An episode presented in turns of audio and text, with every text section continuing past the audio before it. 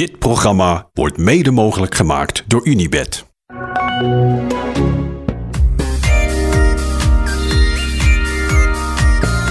Zo, goedemorgen. Goedemorgen.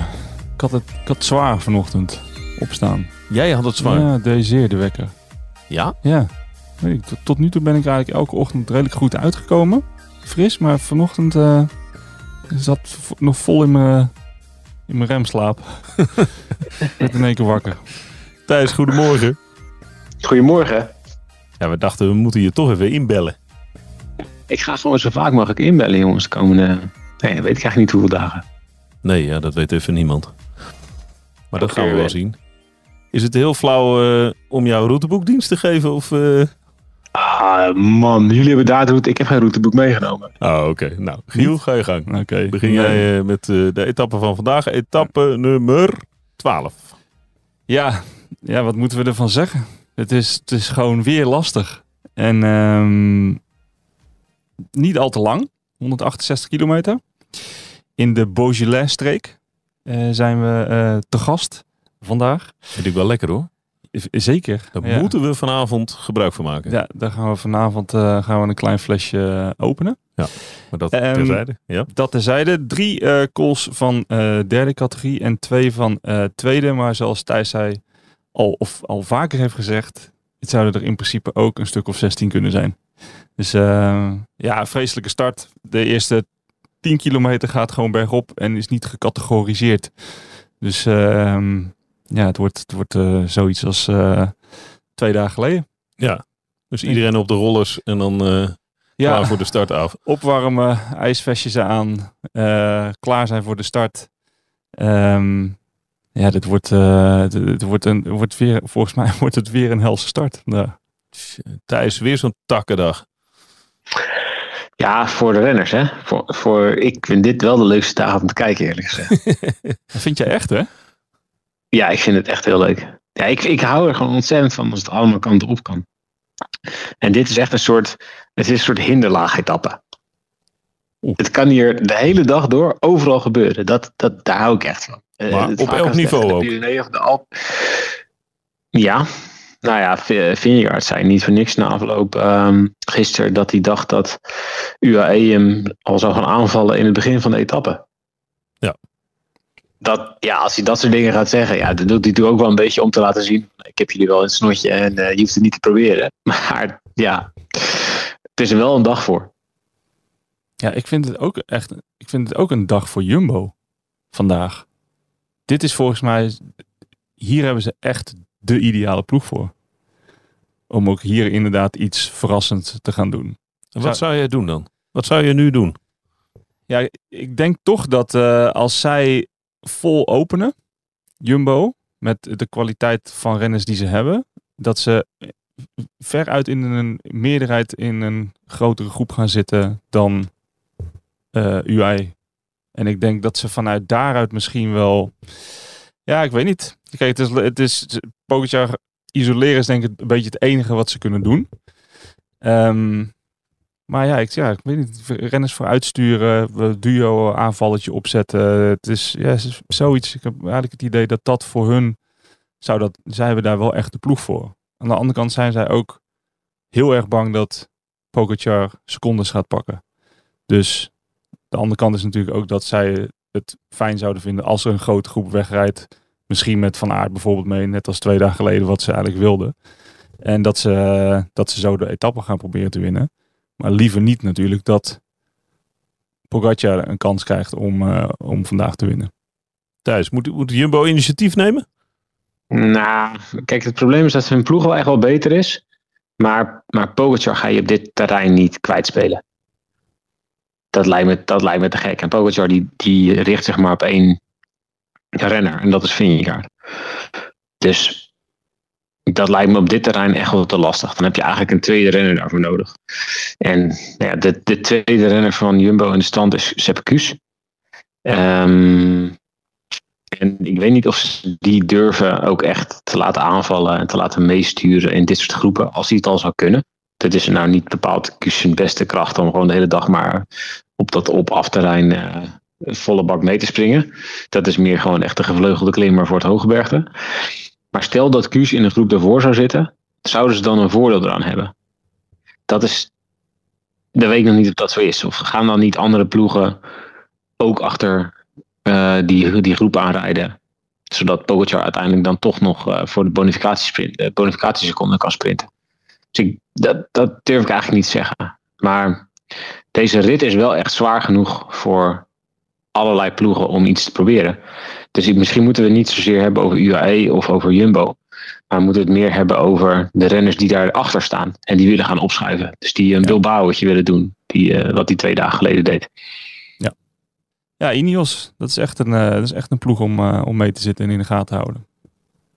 Ja, maar ja, wat, ja, wat, wat maar die staat toch bijna te kort. Ja, misschien niet. Uh, nou ja, Bilbao stond ook kort, hè? Het, is nu wel aan de, aan de mannen van de tweede lijn om, om iets te gaan proberen. Wil je terug het klassement eigenlijk inrollen? Bedoel, uh, de dag dat Bilbao won, zat ook uh, O'Connor de, erbij. Zijn wel, dat soort mannen, daar, daar, moeten we, moeten we vandaag naar gaan kijken. Ja. Pitcock. Ja, die hebben er twee, hè? Die hebben Pitcock en Rodriguez voorin staan. Pitcock staat achtste of 5, 26. Ja, daar gaan ze niet zomaar op reageren. En die andere ploegen gaan toch vooral zitten kijken naar Jumbo en UAE. En van de week, dinsdag, was de enige ploeg die een gat kon dichtrijden, was Ineos. Dus ja, als die zelf gaan aanvallen, ja, wie gaat er dan dichtrijden? Maar 5, 26, dat is wel lekker dichtbij. Dat is lekker dichtbij, maar dat is niet gevaarlijk voor Vingegaard en Pogacar. Die, zijn niet, die gaan er niet van onder de indruk raken.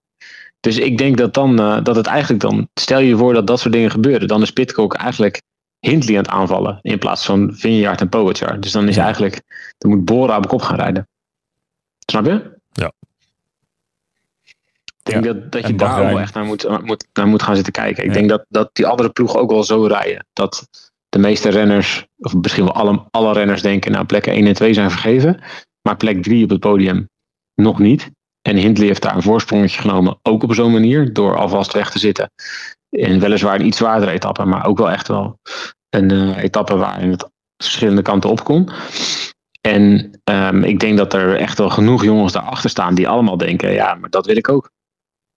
Die bonus die Hindley daar heeft gekregen, die ligt wel voor meerdere renners te wachten. En ik denk dat Rodriguez dat denkt. Ik denk dat Bilbao, ja, die staan misschien te dichtbij, daar gaan ze misschien meteen op reageren. Maar Simon Yates, Tom Pitcock, David Codu, Romain Bardet, Louis Mijntjes, uh, Landa, Pino, O'Connor nog een keer, Guillaume Martin, weet ik veel. Allemaal dat soort jongens, die, die zitten er allemaal op de hazen op dit soort dagen.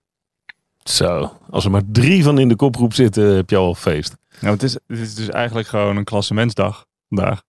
Alleen wel nou, klassementsrenners ja. van plek 5 tot 15. En dat gaat natuurlijk in deze, weer, weer in deze zo'n... tijd, met deze tactiek, is dat het wel geworden. Ja. Dat Ja. het een soort van semi-klassementsdag is geworden. Ja. Ja. Het gaat wel, ja, er gaan, gaat de groep wegrijden met alleen maar goede renners weer. Want eh, het moment dat ze gaan wegrijden, dat gaat, ja, dan, dan ligt Jacobs waarschijnlijk al op, op, die is al op 10 minuten aan het fietsen. Zo hard gaat het er. En dan, ja, wie dan inderdaad nog, nog iets heeft, ja, dat gaan alleen maar goede renners zijn. Ja, als je je- als je vandaag niet lekker voelt bij het opstaan, dan, dan word je hier bang van. Ik denk dat dit ook een dag is waar, eh, waar Fabio schrik van heeft, ja. Ja. Ja, ja dit, is, dit is zo mogelijk nog ergens. Gelukkig valt het, het is nu nog vroeg, maar het valt vandaag mee met temperatuur. Eh, dat was natuurlijk eh, een paar dagen geleden nog een extra, extra uitdaging. Maar eh, ja, dit, is, dit is zeker zo'n heftige, heftige dag als eh, qua parcours misschien nog he- heftiger, denk ik, dan, eh, dan, dan twee, Dan dagen, terug. Ja. Nou, vooral de finale is heftiger. Het begin is misschien ietsje makkelijker. Maar de, de, de finale is veel heftiger. Ja. De, de laatste twee beklimmingen zijn echt, echt heel lastig. Ehm, dus daar kan echt wel. eh, daar, dat, daar kun je ook wel van voorstellen dat eh UAE of Pogacar iets gaat doen. Ja. Of heel misschien Jumbo iets gaat doen. Dat, dat, dat is wel zo zwaar. Dat is, weet je, waar twee dagen geleden nog in de finale nog, nog heel eventjes een paar sprintersploegen dachten van... Nou, misschien met een beetje meeval kunnen we hier nog een klein sprintje van maken. Maar dat, dat gaat zeker niet gebeuren. Nee, het is twee keer 5,5 kilometer. De ene keer aan eh, iets meer dan 6 eh, procent, de andere keer eh 7,5, 8 procent. Echt heel zwaar dus. Het leuke van deze finale is dat er daarna nog een stukje zit. Vlak bedoel je, tot eh, aan de finish. Ja, Ja, vanaf de, de top van de laatste klim is het, eh, is het 28 kilometer tot aan de finish. Dus eh, dalen en dan wat, eh, wat, wat, wat glooiend. Ja, dat is, dat is inderdaad eh, ja, dat is ook een beetje hetzelfde als twee dagen geleden. Natuurlijk. Dus dat is eh, ja, hopen op hetzelfde scenario. Gewoon dat ze langs onze bus eh, stuiven op een zakdoek. Een klein groepje, een klein groepje achtervolgers, nog een klein groepje achtervolgers. Ja, dat zou, ja, het zou zomaar kunnen. dat je vergeet dat het zo interessant is wat je langs ziet komen, dat je vergeet om weer naar binnen te lopen. Precies. Ja. ja. Ja, daar hoop ik ook Ja. Win, Win staat de hele dag een beetje eh, achter en eh, van de zijkant. Dat het, ja, niet dat het waaiers of zo gaat opleveren, maar wel dat het in gang, in gang blijft de hele tijd. Ja. Dus dat je. Ja, de- dat, eh, we hebben het van de week ook een keertje over gehad. Dat als het tegenwind is, dan, dan eh, denken mensen soms dat dat heel zwaar is. Maar ja, als je dan lekker ergens midden in het peloton zit, dan denk je: het is echt prima, laat deze tegenwind nog maar 180 kilometer duren. Maar ja, de afgelopen dagen hebben ze de hele tijd vooral wind mee. En dat is eh, vandaag eigenlijk weer precies hetzelfde. Dus de wind staat vooral in de rug. Dat betekent dat de snelheid heel hoog is en dat je gewoon minder voordeel hebt van in het wiel zitten. Dus dat het nog zwaarder is voor de jongens die, die al aan het leiden zijn. Tja. Eh, Er blijft eh, ze weinig bespaard. Ja, ja dat Ja. is echt, ja, dat, ja, echt ja. Gisteren was natuurlijk een, een, een soort halve hersteldag. Dus ik denk dat iedereen daar ook echt aan toe was. Ja, dat was het ook wel echt. Hoorde je ook terug uit het, eh, uit Ja, het peloton. Gewoon Ja. echt een, een echte sprinters-etappe, een klein groepje weg, ni- niet te hard achteraan wordt gereden. Dat is fijn. Maar dat betekent ook dat de renners die het op vandaag hebben staan en eh, gisteren als een soort hersteltraining hebben ervaren, ja, die, die zijn fris om, er, om erin te gaan vliegen. En ja, de renners die al echt veel hebben geleden afgelopen week, die hebben gisteren ook een soort herstelritje gehad, maar die gaan nog niet zo goed hersteld zijn als de klassementsrenners. Nee. Dus dat wordt ook eh bijkomend, eh, bijkomende factor. Ja, dan zit je dus in dat, in dat peloton en dan zit je al te leiden. En dan zie je eerst een paar renners gaan waar- waarvan je denkt, weet je, oké, dat, dat, het gaat nog wel. Weet je wel, dan gaat, eh, weet je, zoals gisteren, maar Mathies Louvel of dan gaan er Fransen, weet je, Bourdeau. En dan denk je, nou, het gaat al hard, maar oké, vooruit. En dan zie je Van Aert gaan, denk je, die weer? Eh, eh, liever niet. En dan gaan er ineens, eh, weet je wel, dan gaat Bilbao en dan gaat de Zimmerman. En dan, ja, voor je het weet, zie je Pogacar en Vingegaard oversteken. En dan is het gewoon, dan weet je wat voor dag het gaat worden. Maar daar zijn ze echt bang voor. Ik denk dat heel veel renners die, die, niet, die, die er al niet goed in zitten, of de sprinters, dat die misschien wat banger zijn voor dit soort dagen dan voor de dagen in de Alpen en de Pyreneeën. Ja, 100%. Het is onverwacht. Ja, je- je- hier, Ja, er wordt ook gewoon geen gruppetto gevormd. Hè? Dat Dat, is ook gewoon een Ja. groot, ding. Er wordt gewoon geen. Kijk, het- de, de, dit is veel, gewoon veel onvoorspelbaarder. Dus er wordt geen gruppetto gevormd. Je moet gewoon, eh, het is veel meer ieder voor zich. Overleven. Ja. ja.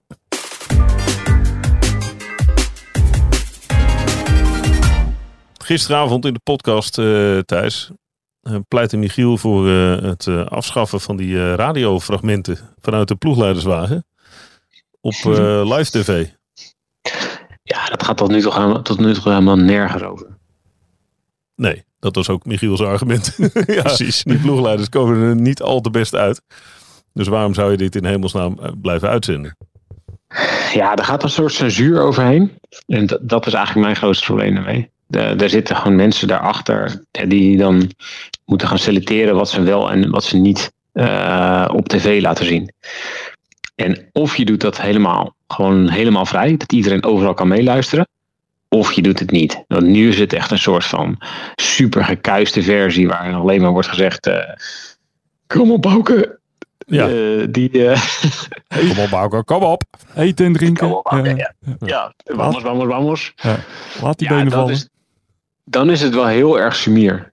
Ja, er komt er eigenlijk niks interessants. Nee, dus dan voegt het ook niks toe. niks voorbij zien komen wat interessant is. Nou, het grapje gisteren, zo kwamen we erop.